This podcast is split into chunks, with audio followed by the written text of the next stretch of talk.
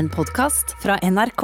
Martin Beyer-Olsen er en av Norges største komikere. Han begynte i humorensemblet Blymandag på 2000-tallet, og, er han- og er fremdeles en svært ettertrakta scenekomiker.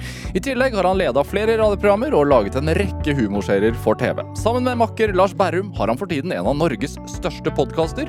Berrum og Beyer snakker om greier. Dette er Drivkraft med Vegard Larsen i NRK P2. Martin Beyer-Olsen, velkommen hit. Tusen hjertelig takk. Veldig hyggelig å være her. Hvordan har du det? Eh, jeg har det bra, eh, men det pumper jo. Det pumper i huet. Det skjer mye. Ja, Så vi eh, holder Som jeg liker å si det, jeg liker meg best når jeg har huet langt under vann. Hva, betyr, det- hva Nei, betyr så det? Nesten holdt på å drukne. Ja. Alt man holder på med å gjøre. Ja, hvorfor det? Nei, for da vet du at du har nok å gjøre, da. Og så går det nok bra. Ja. Uansett.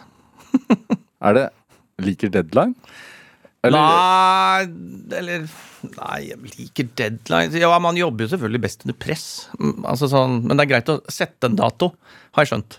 Ja. Uh, men akkurat denne uka her så er det liksom Jeg har levert inn et uh, manus, jeg og Christian Mikkelsen, eh, på en serie her i NRK, samtidig som jeg jobber på et eget show og har to humorfestivaler. Som jeg kuraterer og arrangerer. Så Ja, på, par, Eh, på Parkteatret her i Oslo? på Parkteatret i Oslo, ja. Og, og også på eh, Grefsenkollen uka etter. Så det koker. Hvordan, hvordan går man eh, til verks når man skal kuratere en humorfestival? Nei, ja, det er vet du hva, det er et fancy ord for å øh, ringe folk jeg liker.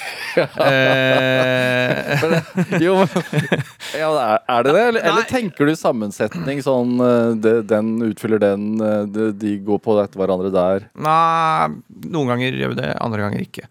Men det å det er klart at uh, Da vi starta denne festivalen som er denne uka her, som heter Crap oppå Park, som er- Da var liksom intensjonen å tilby det norske standup-publikummet å se utenlandske komikere som vi i eh, arrangørgruppa, meg og Rolf Magne eh, Golten Andersen, eh, syns er bra. For vi har jo eh, vært veldig mye på en festival som heter Edinburgh Fringe.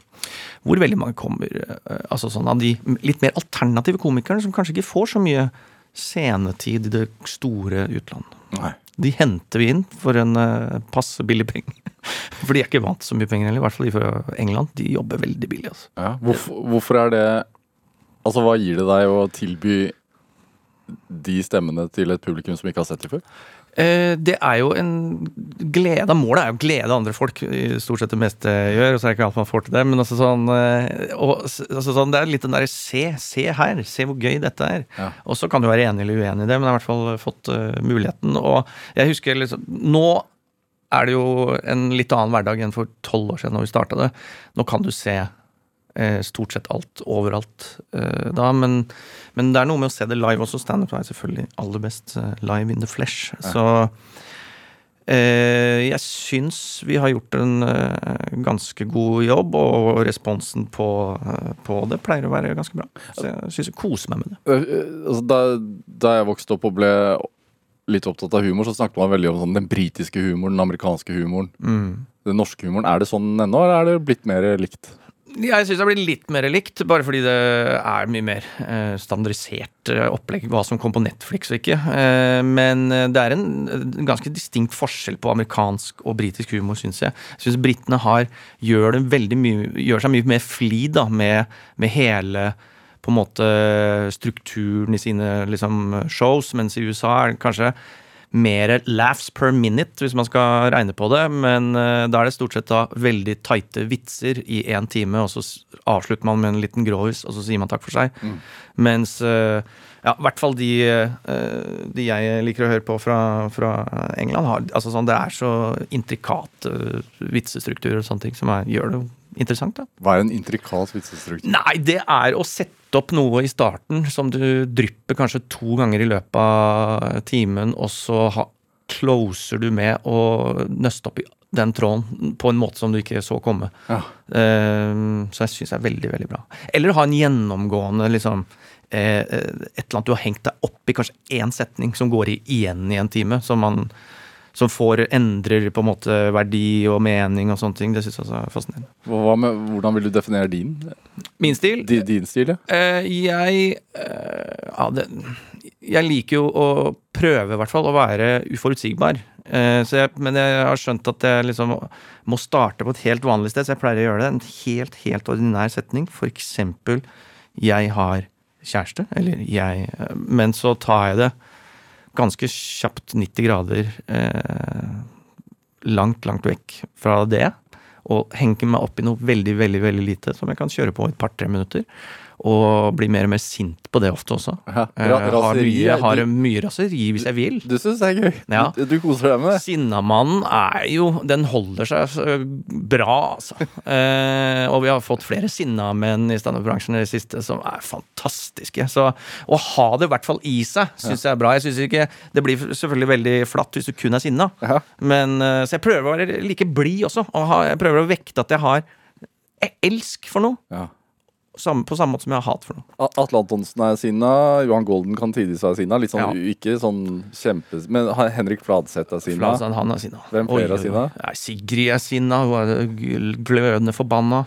Eh, Lisa er så sinna. Det er jo mye sinna folk. Eh, Hva, er så, hva er så gøy med det? Man liker folk som er sinna, da. Altså, sånn, det er jo En del av humoren er jo å, sette fingeren på ting som ikke funker i samfunnet. Og da blir du sinna, da. Selvfølgelig må du si det med høy stemme. Eh, nei, så det er jo det. det er jo, vi liker sinna folk. Vi ler av sinna folk. Sinna folk er jo det morsomste som fins. Spesielt de som ikke skjønner at de ser ut som idioter. på en måte. Martin Meyer-Olsen, du er, her, er jo her i eh, Drivkraft i dag. Endelig, vil du si? Det vil jeg faktisk si, ja. Ja. Dette vil jeg si er viktigere for meg enn å ha vært på Nytt på Nytt, for eksempel. Fordi der må du liksom innom, mens her føler jeg meg utvalgt. Ja, jeg, jeg skal spille et klipp Jeg pleier ikke å gjøre dette, her men jeg skal spille et klipp fra podkasten deres Bærum og Beyer snakker om greier som er cirka, det er vel et år gammelt eller noe sånt. Eh, hvor du, jeg, jeg føler det var et slags frieri. Absolutt. Så snakka litt med kjæresten min om det også. Hva, vi, hva, er, det, hva er drivkraften, da? Blir aldri invitert på det programmet Drivkraft. Så jeg må ha det hver lørdag hjemme sammen med kjæresten min. Og hun er Vegard Larsen. Nei, Ja, ja, er drivkraften men, men, men, men, hva er drivkraften din? det er det. Det er sånn da Vegard Larsen bryter av. Men, er du sånn? ja. men, men, men. Hva gjør deg til den du er?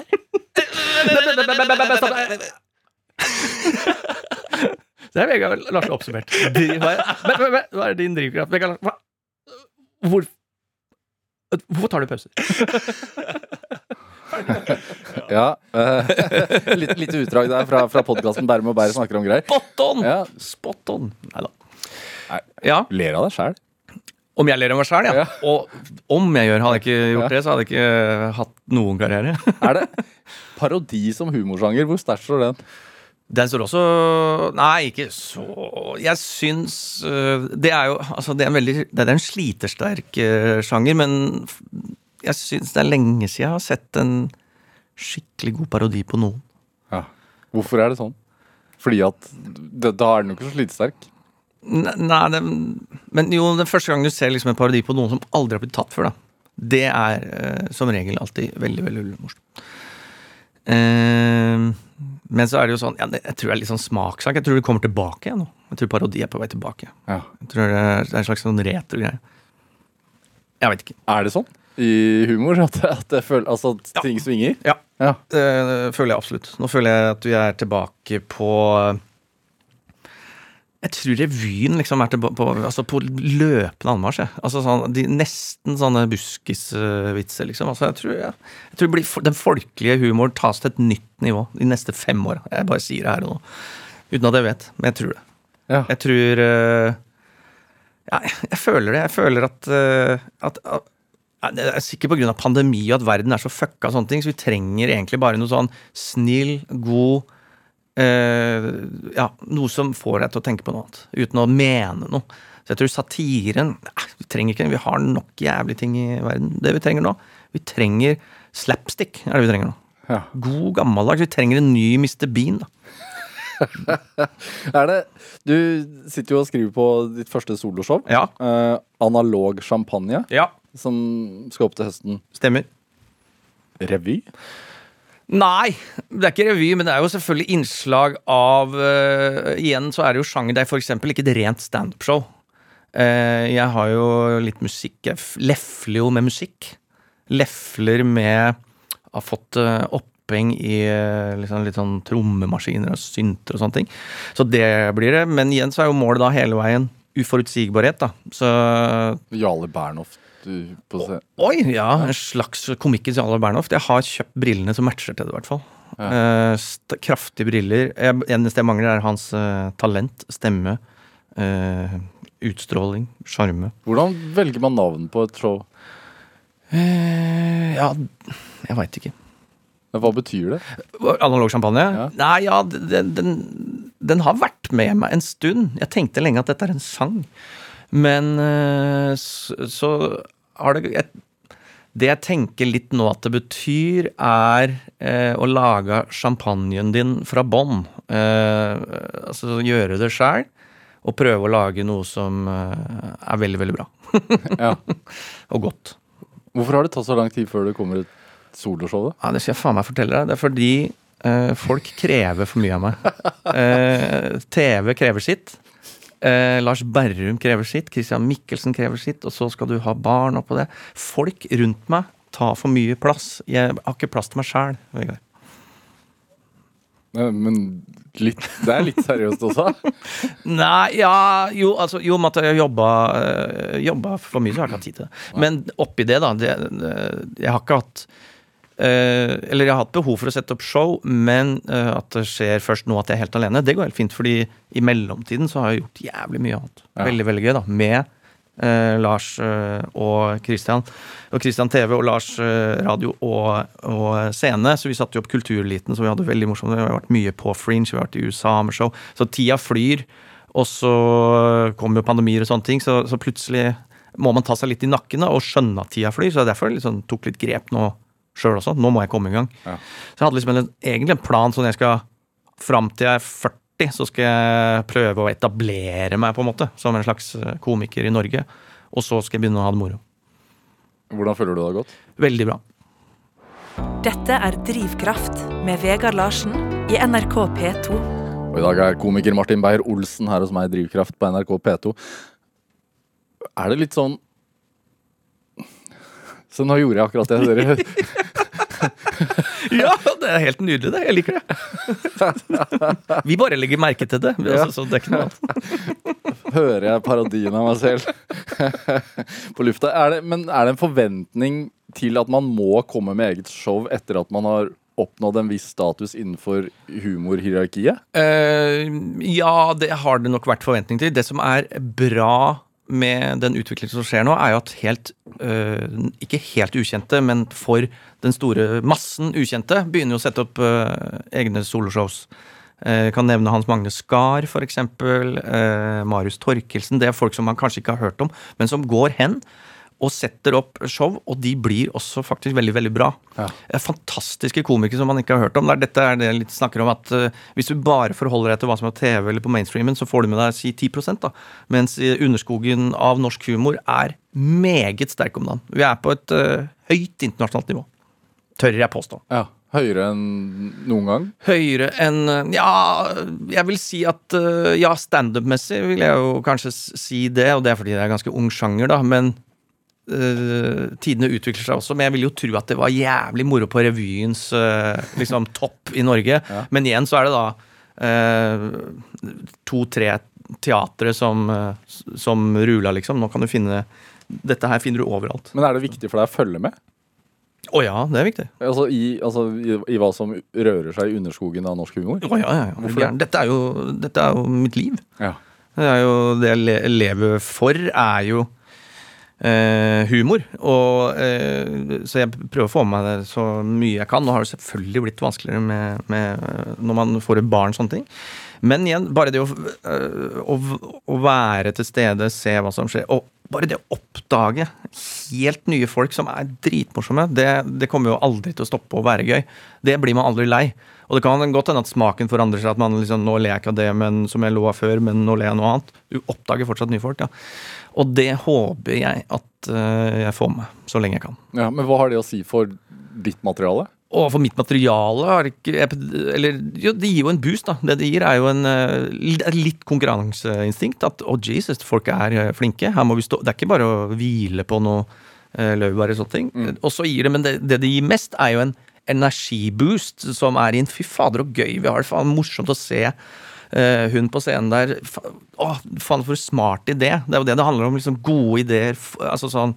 Og så blir man jo veldig eh, Hvis du jobber hardt innen et fag, da, så blir du jo skada av det. Så det er jo liksom sånn, det blir jo vanskeligere og vanskeligere å finne ting å le av. Så, det, så eh, men igjen så åpner det det banalt enkle igjen, kanskje. Og så ler man der man ikke skal le. Altså, det er så mange ting eh, hele veien. Så jeg syns jeg blir oppriktig glad når jeg ser folk som har øvd, og folk som eh, bare er dritflinke. Som gjør det bra. Tar jobben og eh, faget. Ja.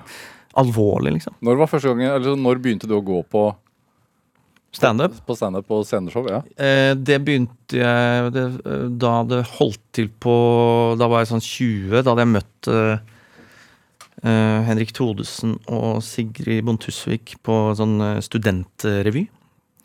Da drev de med det. Så før det hadde jeg ikke sett det. Sånn, Her i Oslo. I, her i Oslo, så 20 år, da. Og da holdt det til eh, på Christian Kvart og sånne ting. Og fortsatt mange av de holder jo på ennå. Eh, så det syns jeg var Jeg synes det var gøy, men jeg syns ikke det var uh, så bra. så eh, jeg gadd ikke å starte med det sjøl, f.eks. Jeg var mye mer interessert i sketsj. Uh, Ja, men hva var det som fikk deg til å oppsøke det i utgangspunktet? Det var uh, Henrik og Sigrid. Ja. Mm. Så bare at jeg kjente de. Og, og ikke minst at jeg drev med revy. Da. Jeg drev jo veldig mye med revy da jeg studerte. Det var egentlig det jeg gjorde på studiene. ja. Det var fokus. Bare lage sketsjer. Humorbasert? Veldig humorbasert. Ja. Ja. Mm. Så, det, så bare en generell eh, interesse. Det var vel der den liksom skjønte at å ja, folk holder på ganske seriøst med humorting. Ja. Så ja. Gradvis skjønte du at man kanskje kunne Eller ikke leve av det, det har jeg vel aldri trodd. Det tror jeg ikke på ennå. Men, men eh, ja, det gjør du. jo da, absolutt. Men eh, eh, jeg tenker da, da jeg fikk muligheten til å, som du nevnte i introen, at jeg jobba Det er sant, by the way, at jeg jobba som kosemamseselger. Um, og så fikk jeg tilbud da om fast jobb der. Og da tenkte jeg at det kan jeg ikke låse meg til før jeg har prøvd å leve av humor. Nei. Lite grann, i hvert fall. Og jeg holdt på ennå. Altså, nei, Kosebamseselger. Er er det et faktisk yrke? Uh, ja, det vil jeg si. Ja. Hva fortell? Eh, nei, det var det, Da jeg gikk ut av studiene, jeg studerte av markedsføring. Var en jævel til å selge. Ja. Uh, og hadde masse ideer til hva jeg liksom ville lage og sånne ting. Hva Mar- solgte du? Hæ? Ja, altså, Og opp igjennom? Ja. Jeg har solgt alt ifra eh, sånne fotografier. Sånne du står på kjøpesenter og får folk inn til å ta bilder-aktig. Ja. Familiebiler. Norges beste på det på et tidspunkt. Hvilke kjøpesenter? Å, alle i Østfold.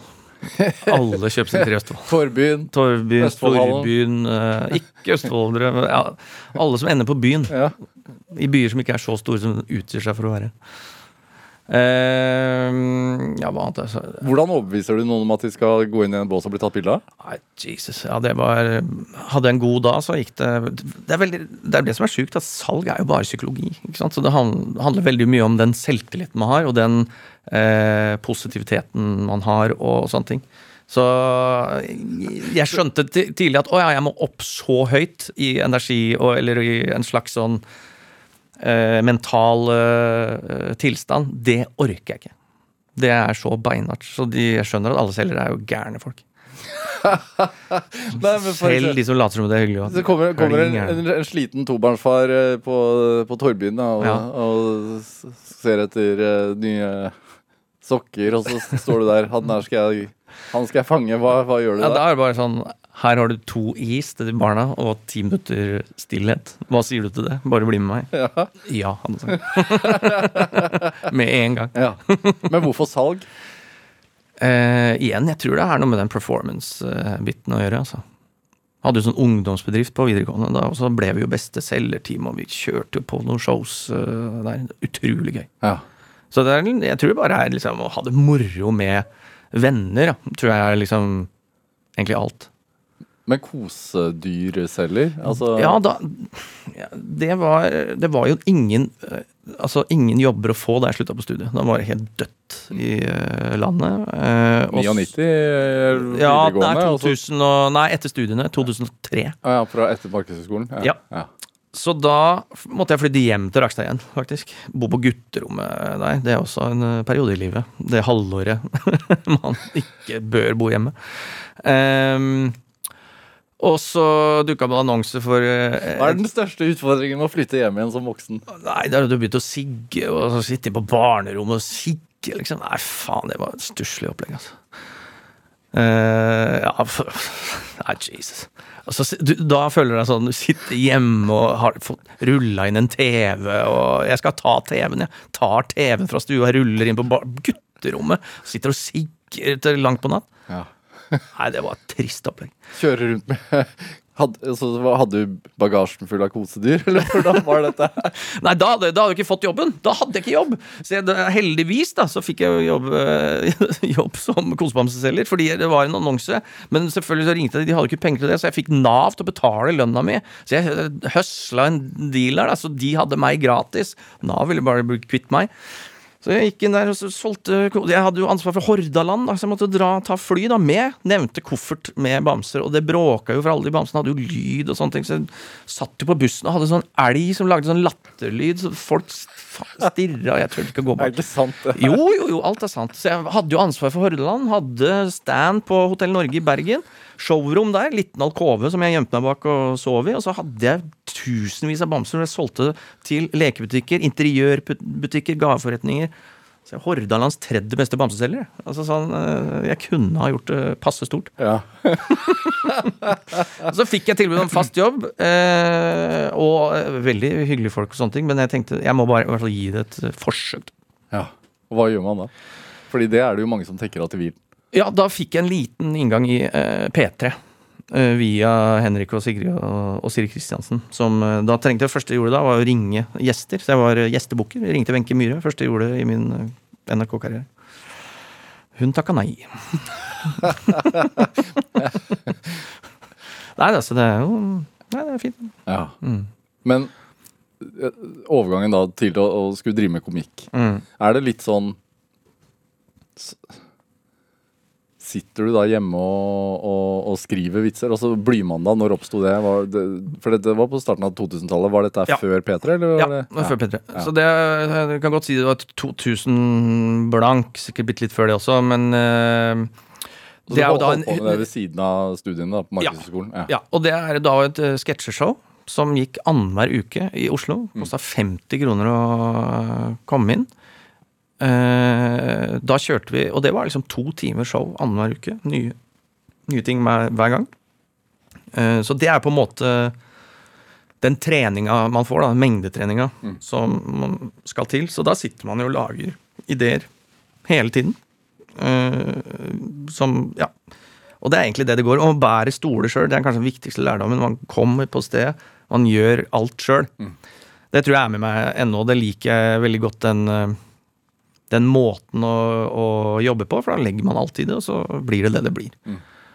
Eh, Så det husker jeg også satt pris på da, selv om det var et helvete. Og du liksom kommer tidlig for å ja, sette på plass ting.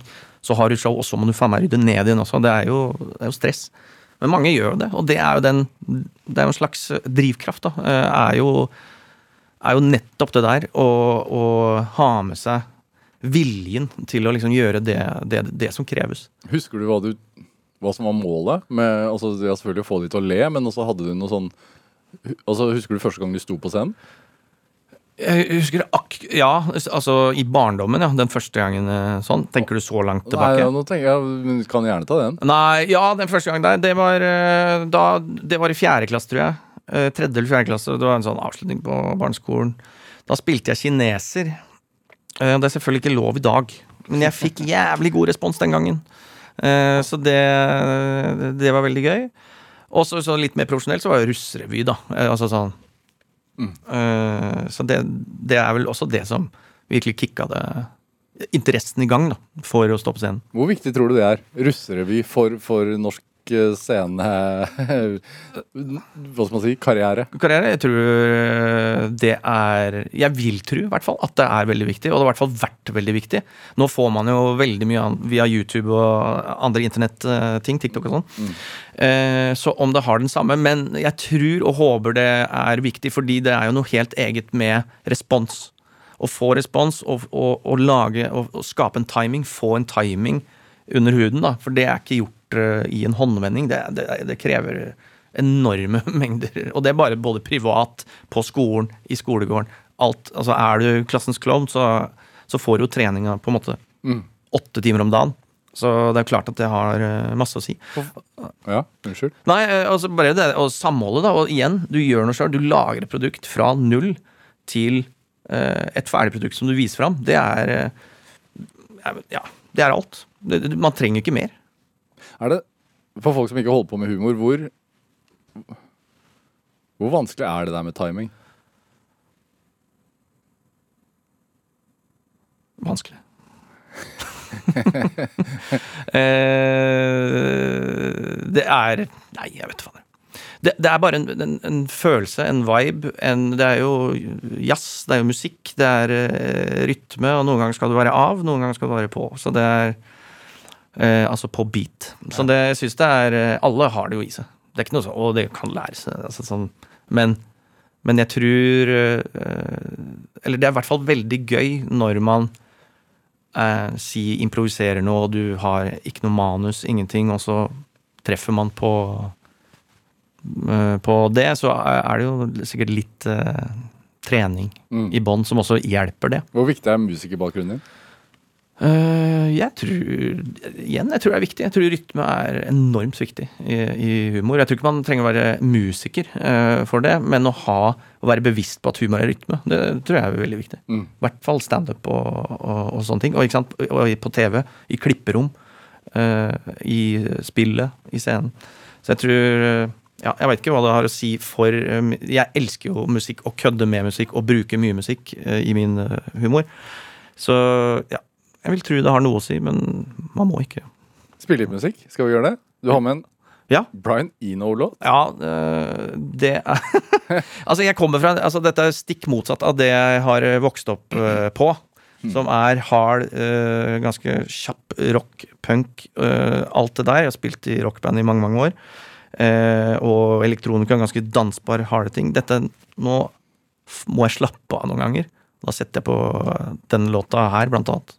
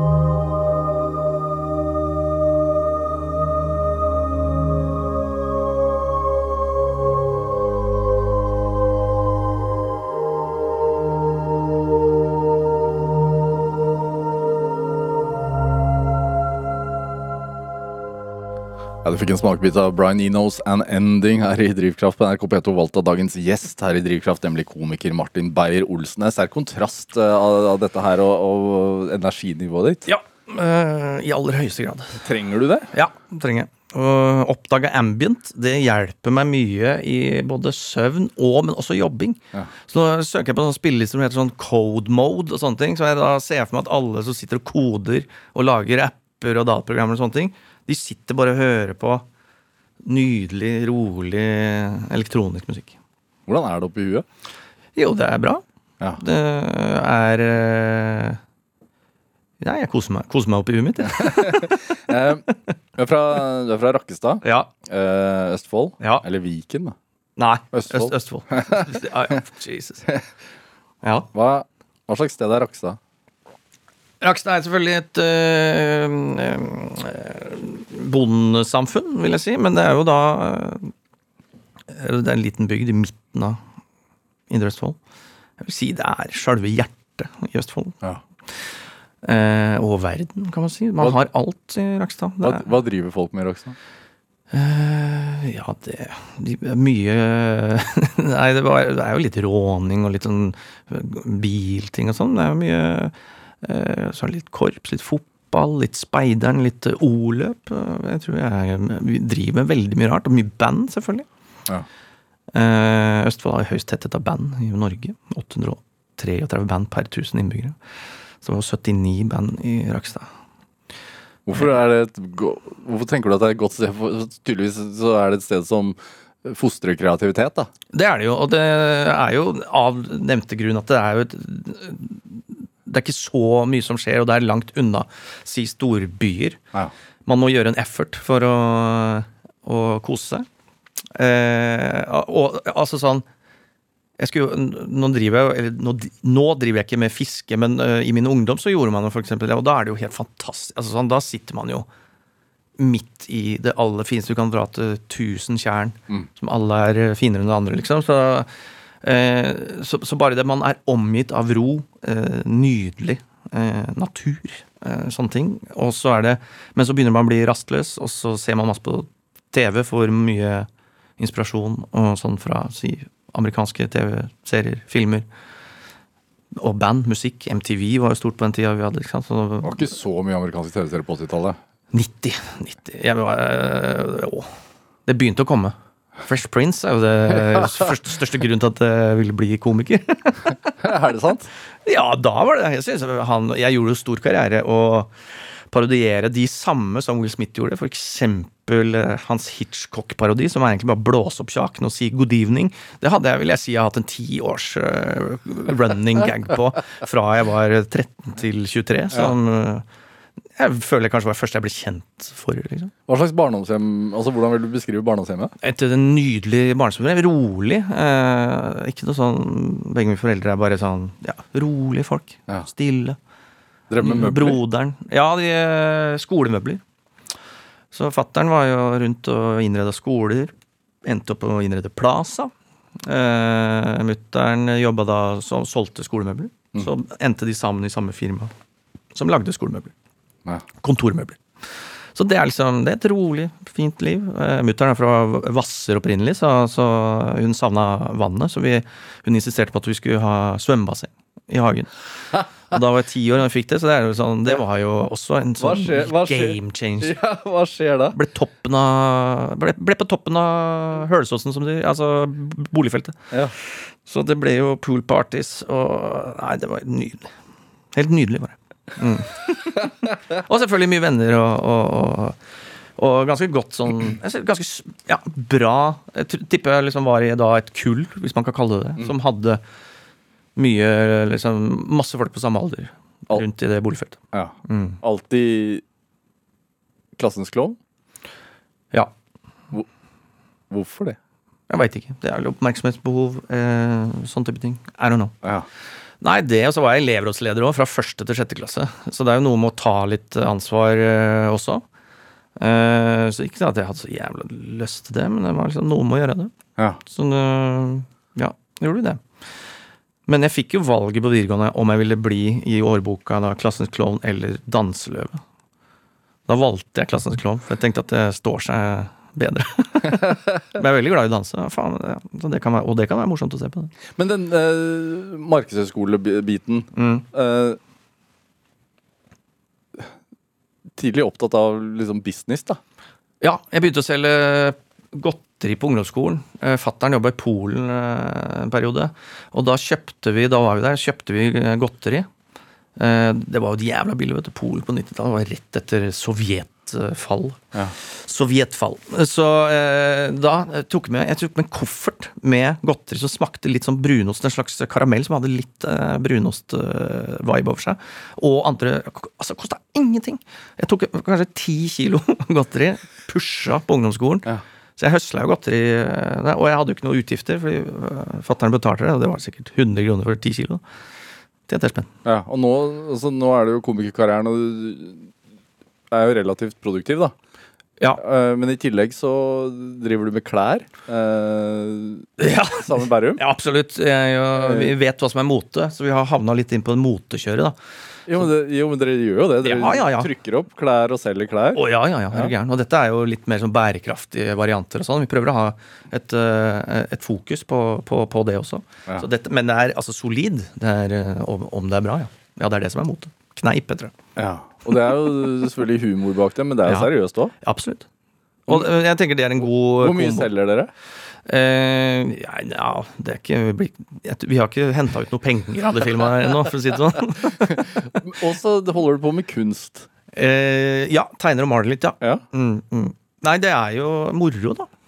ja fordi ja, det, Gjør du det fordi det er moro, eller er det Ja, ja altså sånn det er jo øh, Ja, det gjør, jeg. det gjør jeg med humor òg. Jeg er jo såpass heldig at jeg får øh, jobbe med ting jeg syns faktisk er gøy. Ja. Eh, så jeg syns jo det er gøy. Det er, og, men det som er bra med den kunstbiten av det, det er ikke noe sånn at jeg har noe press.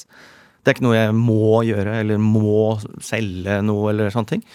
Men øh, folk har jo villet ta litt av det, da. Så det er jo, og det er jo en, øh, bare en bekreftelse som er øh, hyggelig. Hvordan starta du med det her? Jeg, jeg har tegna hele oppveksten og øh, holdt det gående. Tagga og lagd Eller piser, som vi kaller det. Altså malt kunstverk på vegger og treplater og ungdomsklubber etc. Ja. Eh, og så Hva skrev du? eh, Ja, hva faen skrev jeg? Jeg har faktisk en piece som står igjen på Rakstad ungdomsskole, som står der ennå. Ja. Der står det 'Alien Nation'. står det der. Og det tenker jeg, jeg tenker på det akkurat nå, faen, det er noe sant i det der, altså. eh, nei, så jeg har tegna mye rart. Noe, jeg var ikke noe sånn store tagger. Eh, men veldig glad i kunstuttrykket. Ja, nok en gang følte jeg det var en eh, amerikansk referanse. Jeg vet ikke hvorfor det var det, men hiphopen kom jo til Rakstad rundt da. Eh, sånn, så da begynte jeg med det, slutta med det. Alltid tegna og skribla. Tok det opp igjen etter at uh, mora mi døde. Da fikk jeg arva en liten iPad der. Ja. Og da begynte jeg å tegne igjen eh, med en gang. Og da fikk jeg veldig, veldig fot uh, på det. Når døde hun? Hæ? Når døde moren din? Uh, 2018. Så det Ja. Da tenkte jeg dette er gøy. å Begynne opp igjen. Ja. Hva, hva, hva gjør det um, med livet? Og det er en meget uh, spesiell opplevelse. Det er, Og alle opplever det, så det er ikke noe sånn at det er noe unikt med det. Men jeg syns jo det er uh, Ja, hva skal man si? Man, det, det, er ikke noe man uh, klarer å se for seg hvordan det er. Så må du bare inn i det. Du må bare døyve det. Altså sånn Ikke døyve, dykke inn i det. Ja. Så jeg syns jo det er spesielt. altså sånn, Nå er det jo blitt en vane, og sånn, sånn går det. Så det går, det går jo selvfølgelig eh, fint. Men ja, herregud. At det er sånn. Det, jeg syns det er like livsendrende som det å få barn. Mm. Så man, man har ikke sant, man godt tenke så hardt man vil, og så lenge man vil, men fortsatt, det er ikke umulig å liksom vite hvordan det, Mm. det, det blir. Forandra det perspektivet ditt på noe? Ja, det, det gjør det jo. Det tror jeg automatisk at det gjør, nå, uten at det var sånn Jeg kan sette fingeren på helt konkret, men det er vel bare det. altså sånn Man setter pris eh, på både familie, venner, tiden, ikke minst. At man, man blir så bevisst. da. Alt, alle sånne ting. eh, tar, tar man jo bare eh, inn tilbake til nåtiden, hvis man kan si det. Så er det sånn veldig sånn øyeblikksting. Å ja, det er dette som skjer. Dette er ekte. Dette er nå. Så det er jo ja, også litt til kontrast når man sitter her og jobber og gjøgler hele dagen, så plutselig kommer man inn i virkelig. Men sånn som med, med, med Bærum og Beyer pre- preiker om greier, Mm. Uh, som jo har blitt en kjempesuksess, og dere møtes hver tirsdag og prater, prater om Og der er det jo selvfølgelig masse gjøgleri, men det er også seriøsitet. Mm. Dere tar også opp temaer som, som berører dere, og, og man, man kan snakke om alvorlige ting. Absolutt. Hvorfor er det en greie?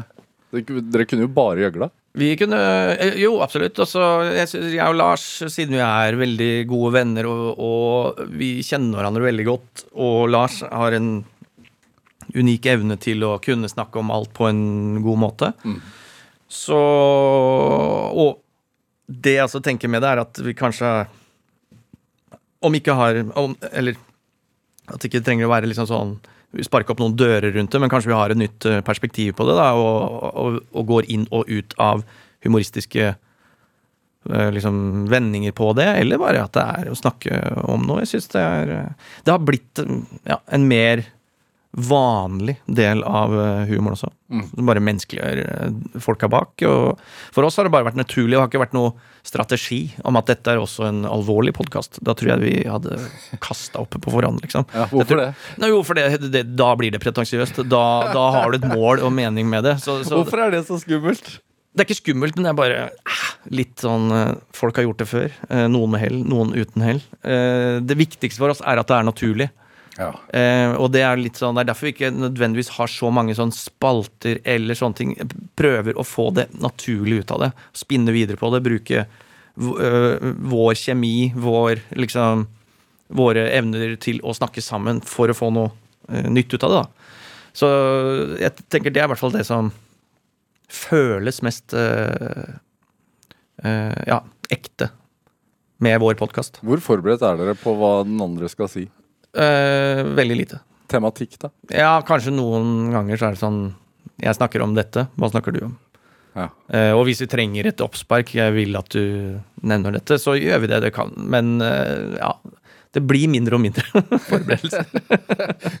men forhåpentligvis, men hvis vi merker at det blir slapt av det, så tar vi tak. Vi er Ja. ganske gode til å evaluere for det er også viktig. Den evalueringen. Det er jo mange podkaster med to personer og, som prater sammen. Og det er mange hvor de som prater sammen, er ganske like. Mm. Føler du at dere er like? Uh, nei, det føler jeg ikke. På noen, selvfølgelig noen områder er vi kanskje helt like. Og det er områder innen ja, humor, uh, ting. Ja. Uh, altså eh, våre meninger om humor, hvor, hvor vi kommer fra om humor. Altså alt det. Ikke hva vi gjør. Der er vi ganske ulike. Eh, og kommer jo fra to vidt forskjellige liksom ståsteder, eh, hva man har gjort og sånne ting. Men der vi også samles, tror jeg er eh, bakgrunn, oppvekst. Vi kommer fra vanlig, vanlig eh, folks hjem. Mm. Som ja, og, ja. Så det er ikke noe sånn Det er ingen av oss som, som har noe Altså sånn Jeg vet ikke faen. Nei. Jeg, tror vi- jeg føler i hvert fall vi har en sånn ganske lik bakgrunn. Er det Er dere venner også, eller er dere mest eh, kolleger? Nei, eh, jeg vil si mest venner. Ja. Siden de bare har podkast akkurat nå. Hvor viktig er det for uh, kjemien? Jo, forhåpentligvis så har det en, eh, en, en ekstra dimensjon som tar det ett knepp over det å bare være veldig trente kolleger, da. Ja. Så blir man, for det blir man uansett hvis du jobber lenge med noen. Og så er det jo Ja, forhåpentligvis så gir det en ekstra dimensjon. Jeg syns i hvert fall det er veldig fint og et stort privilegium å jobbe med, med gode venner også. Er det noen utfordringer, da? Selvfølgelig. Det er jo Lars Berrum vi snakker om her. Hva mener du du med det? Lars Lars Berrum, Berrum? Han kommer hit i morgen for øvrig. Så hva, hva, hva, hva mener du med det? Nei, det er jo Altså, faen, det er jo Han er jo en stor mann på alle mulige vis. Eh, så han eh, tar jo mye plass. Han snakker jo veldig mye. Og, eh, I motsetning til- I motsetning til andre. Som eh, Jo, jo, bare slipp meg til på et radioprogram hvor meningen er at jeg skal snakke, så kan jeg snakke. Ja. Nei da. Så eh, Nei, vi har jo Ja, utfordringer har vi jo i form av at eh, man Når man skal levere på scene, på podkast, sånne ting, så er det jo et show, og så er det jo noen så er man jo sliten noen ganger og sånne ting. Lars har jo enorme mengder med show, jeg har enorme mengder med TV-ting. Så det er bare det å hele tiden skulle være på uh, og sånne ting. Men, men jeg merker det nå, etter han da kom hjem fra den famøse Bali-turen som han da oppriktig mener at han er den første som tok og fant seg sjøl på. eh, og har kjøpt seg hytte i ettertid. Jeg syns det faktisk har gjort den litt godt. Ja. Og da er det litt sånn Ok, det roer ned noen greier der også. Så da syns jeg vi har kommet til enda et nyere nivå som er Ok, nå kan vi slappe litt av. Uh, mer sånne ting. Og han skjønner at jeg har familiegreier, så jeg kan ikke være med så mye ut. Uh, og sånne ting. Så jeg syns det uh, Ja, jeg syns nå er vi også på et, ja, ny, et nytt nivå. Som jeg håper kommer publikum og lytterne til gode. Er det sånn at når man jobber så tett over så lang tid, skjønner du hva han vil si og respondere, og så er det nærmest en sånn te telepatisk kommunikasjon? Ja, det er absolutt. Og så er det, det- det er den ene siden av det, og så er det også den helt stikk motsatte, som er jeg vet at du vil jeg skal det, men da går vi andre veien for å se hva det bringer. Og så blir, kan det bli også interessant, da. Så, og, og det er jo veldig bra når man har en Ok, jeg vet hva han står for eh, humoristisk, og hvilke evner han har, så det er egentlig bare sånn Jeg kan si, si hva som helst, og så spiller vi videre på det. Jeg syns det er eh, en, en, det er en frihet som eh, jeg setter eh, veldig stor pris på. Jeg er ikke redd for noe. eh, Om dette går bra eller ikke, når, jeg, når, vi- når vi er sammen. Og det spiller ingen rolle. Nei. Er det? Hvor mye kniving er det i humorbransjen? Det er mye kniving. Det, det er ikke uttalt kniving, men jeg tror det er, det er en bransje som er prega av eh, ikke, Om ikke misunnelse, så er det jo liksom sånn Det er jo en rift om jobber, eksponering, penger. Så det er liksom i, bransjens natur at det er litt sånn eh, egoistiske Mange egoer om, om få bein. Men eh, så syns jeg også at det blir bedre når du ser den underskogen som kommer, og du ser hvor mye flinke folk det er. Du, du ser eh, Jeg føler at vi har et miljø også som er, er ganske bra. Ja. Hvordan, du sier at dere ser humor likt. Hvordan, hva betyr det, da? Uh, ja, det er vel rett og slett på hva vi mener er god humor og dårlig humor, altså. Og at vi kan spotte de som er genuine, og de som er hacky. Så om det er elitisme inni dette? Ja, absolutt. Absolutt. Er det Var det en selvfølge at dere skulle samarbeide? Å, nei, nei, nei, det er jo ren skjær tilfeldighet. Eh, Nei, ikke tilfeldighet, det er min fortjeneste at vi jobber sammen. Eh, Det er, I hvert fall hvis jeg skal si det sjøl, for jeg tok den med på et radioprogram jeg hadde. Som heter Martin Beyer-Olsen Live. eh, Og der hadde jeg med mange. Men så det var ikke noe selvfølgelig at vi skulle jobbe sammen utover det, men det som kom frem av den perioden, var jo at han var den som jobba hardest for sine innslag. Han ga aller mest, og vi traff eh, definitivt liksom best på kjemi og sånne ting. Og skjønte, han var jo en helt uh, bajas da, eh, på scenen, altså sånn helt ute å sykle. Eh, jo, jo. Hvordan da? Nei, han hadde noe mimegreier og noen turer til Altså, han hadde et mimeshow. Vi var i Lillestrøm da vi på en måte virkelig ble kjent. Eh, han hadde et mimeshow hvor han blir later som han blir liksom eh, ja, kidnappa og misbrukt langt nede i Mexico. Et langt mimeshow som ingen skjønner en dritt av. da. Eh, ingen lo, unntatt meg, bak der. Så var på en måte sånn vi liksom møttes og bonda. For jeg så at det, ja, det er jo noe her. Det er jo en idé. Jeg skjønner liksom Ser, ser systemet i galskapen, da.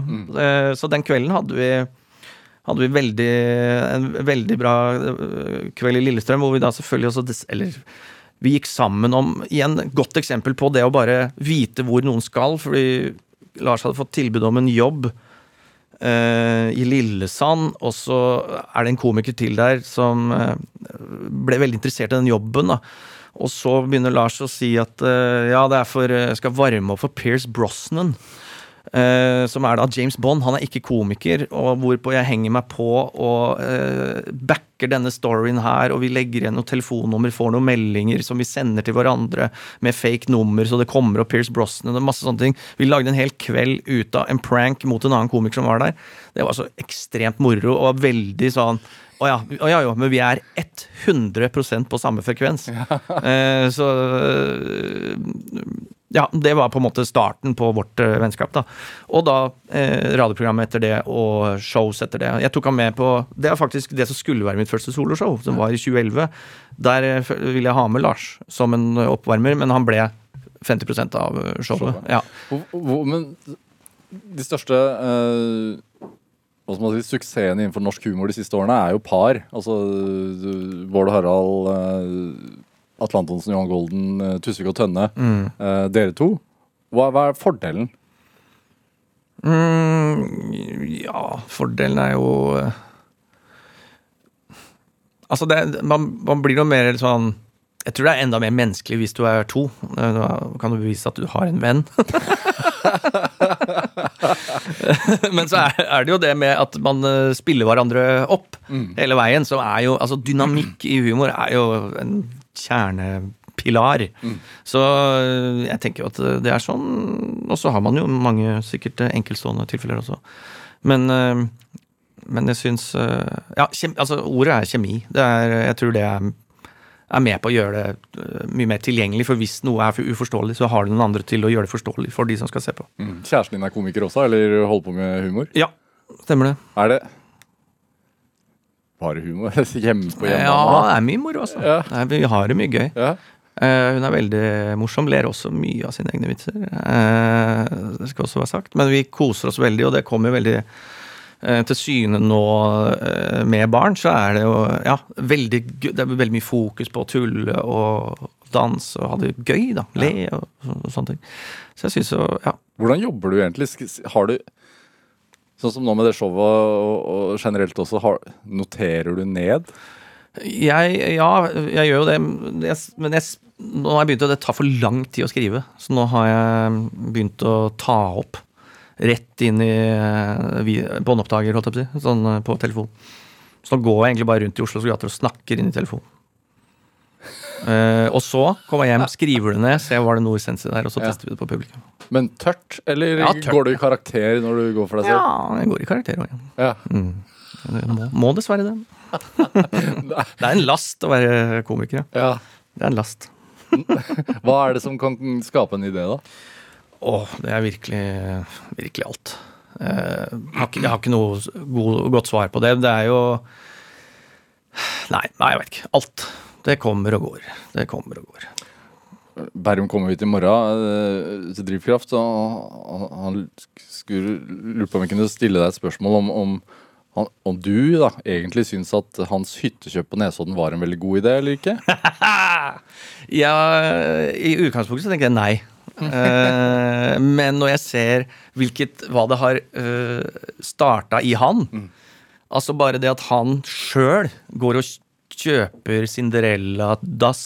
Han bærer møkk ut av det gamle toalettet. Han, han gjør eh, ting, da. Så når jeg ser at å ja, det er det som kommer ut av det, da tror jeg det er et meget godt kjøp.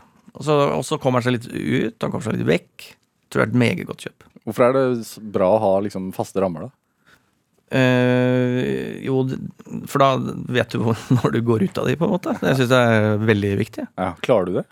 Og ja, ja, ja. Eh, Jeg har veldig faste rammer. Det, absolutt. Det, jeg tror det er eh, Ja. Altså, I hvert fall litt sånn eh, Altså, hva er faste rammer, da? Å ha bolig er jo en tålelig fast ramme. Ja. Det er bra. Uh, ha f.eks. jobb. Bra. Ha ting å stå opp til. Bra. Det er jo de, i hvert fall de tingene å stå opp til og grunn til å legge seg. Da har du en ramme mellom sju 7 og 11, da. Som du forholder deg til. Gjør det noe med humoren? Nei. Nei, men altså sånn hvis du, Når du jobber på NRK fra 9 til 4, da må du lage humor mellom 9 til 4. Er du på Stand Center klokka 11, så lager du humor 11. Ja. Så humor er døgnet rundt. Er det Altså, hva er målene nå? Du, har, du, du, du sa jo tidligere altså, du sl- slutta som kosebamseheller for å forfølge en humorkarriere, og det, det har du jo utgangsklart? Er du flink til å sette deg nye mål? Eh, vi snakka om dette i, gårsdagens podkast. der så har jeg satt meg målet da jeg var 40, til jeg var 40. Ja.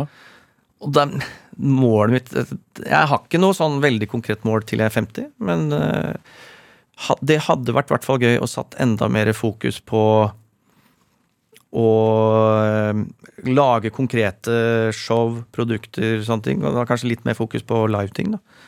Det var mye ideer. Mange ideer. Så jeg bare kanskje sette til livs eh, det. Ja. Eh, ellers er det vel å jobbe mindre, kanskje også. jobbe smartere. Men hva er målet med eh, komikken? da? Er det, er det bare å få folk til å le, eller er det noe Ja, det, for min del er det jo det. Og jeg jobber jo mye med satire og sånne ting også. Jeg liker jo at alt har en, på en måte en mening i det, men eh, samtidig så er nonsensen like viktig. Så sluttproduktet er jo alltid å få folk til å le. Ja. Uh, og om noen Nei, jeg har ikke noe jeg har ikke noe mer agenda enn det. Er det like deilig nå som da du var kineser på barneskolen? Å uh, oh, ja, ja, ja. Det er bedre. Uh, ja, ja. Man, man setter jo pris på at eh, folk ler, og det blir jo ikke lettere og lettere. det. Man, folk har jo forventninger. Og det sier jeg sånn, eh, det er jo som publikum, bør du alltid nullstille. For du skal ikke vite hva som kommer. Hvis du vet hva som kommer, eh, da syns jeg det blir kjedelig. Ja. Martin Meyer-Olsen, hva tenker du er din drivkraft? Det er eh, den neste store ideen. Hver dag jakten på den neste store ideen som kan gjøre meg økonomisk uavhengig resten av livet. Hva skal du gjøre da? Da, da skal jeg male i Piemonte og drikke noe vin. Slappe av. Ta meg et bad i Komosjøen. Jeg har kjøpt meg en liten Riva-båt.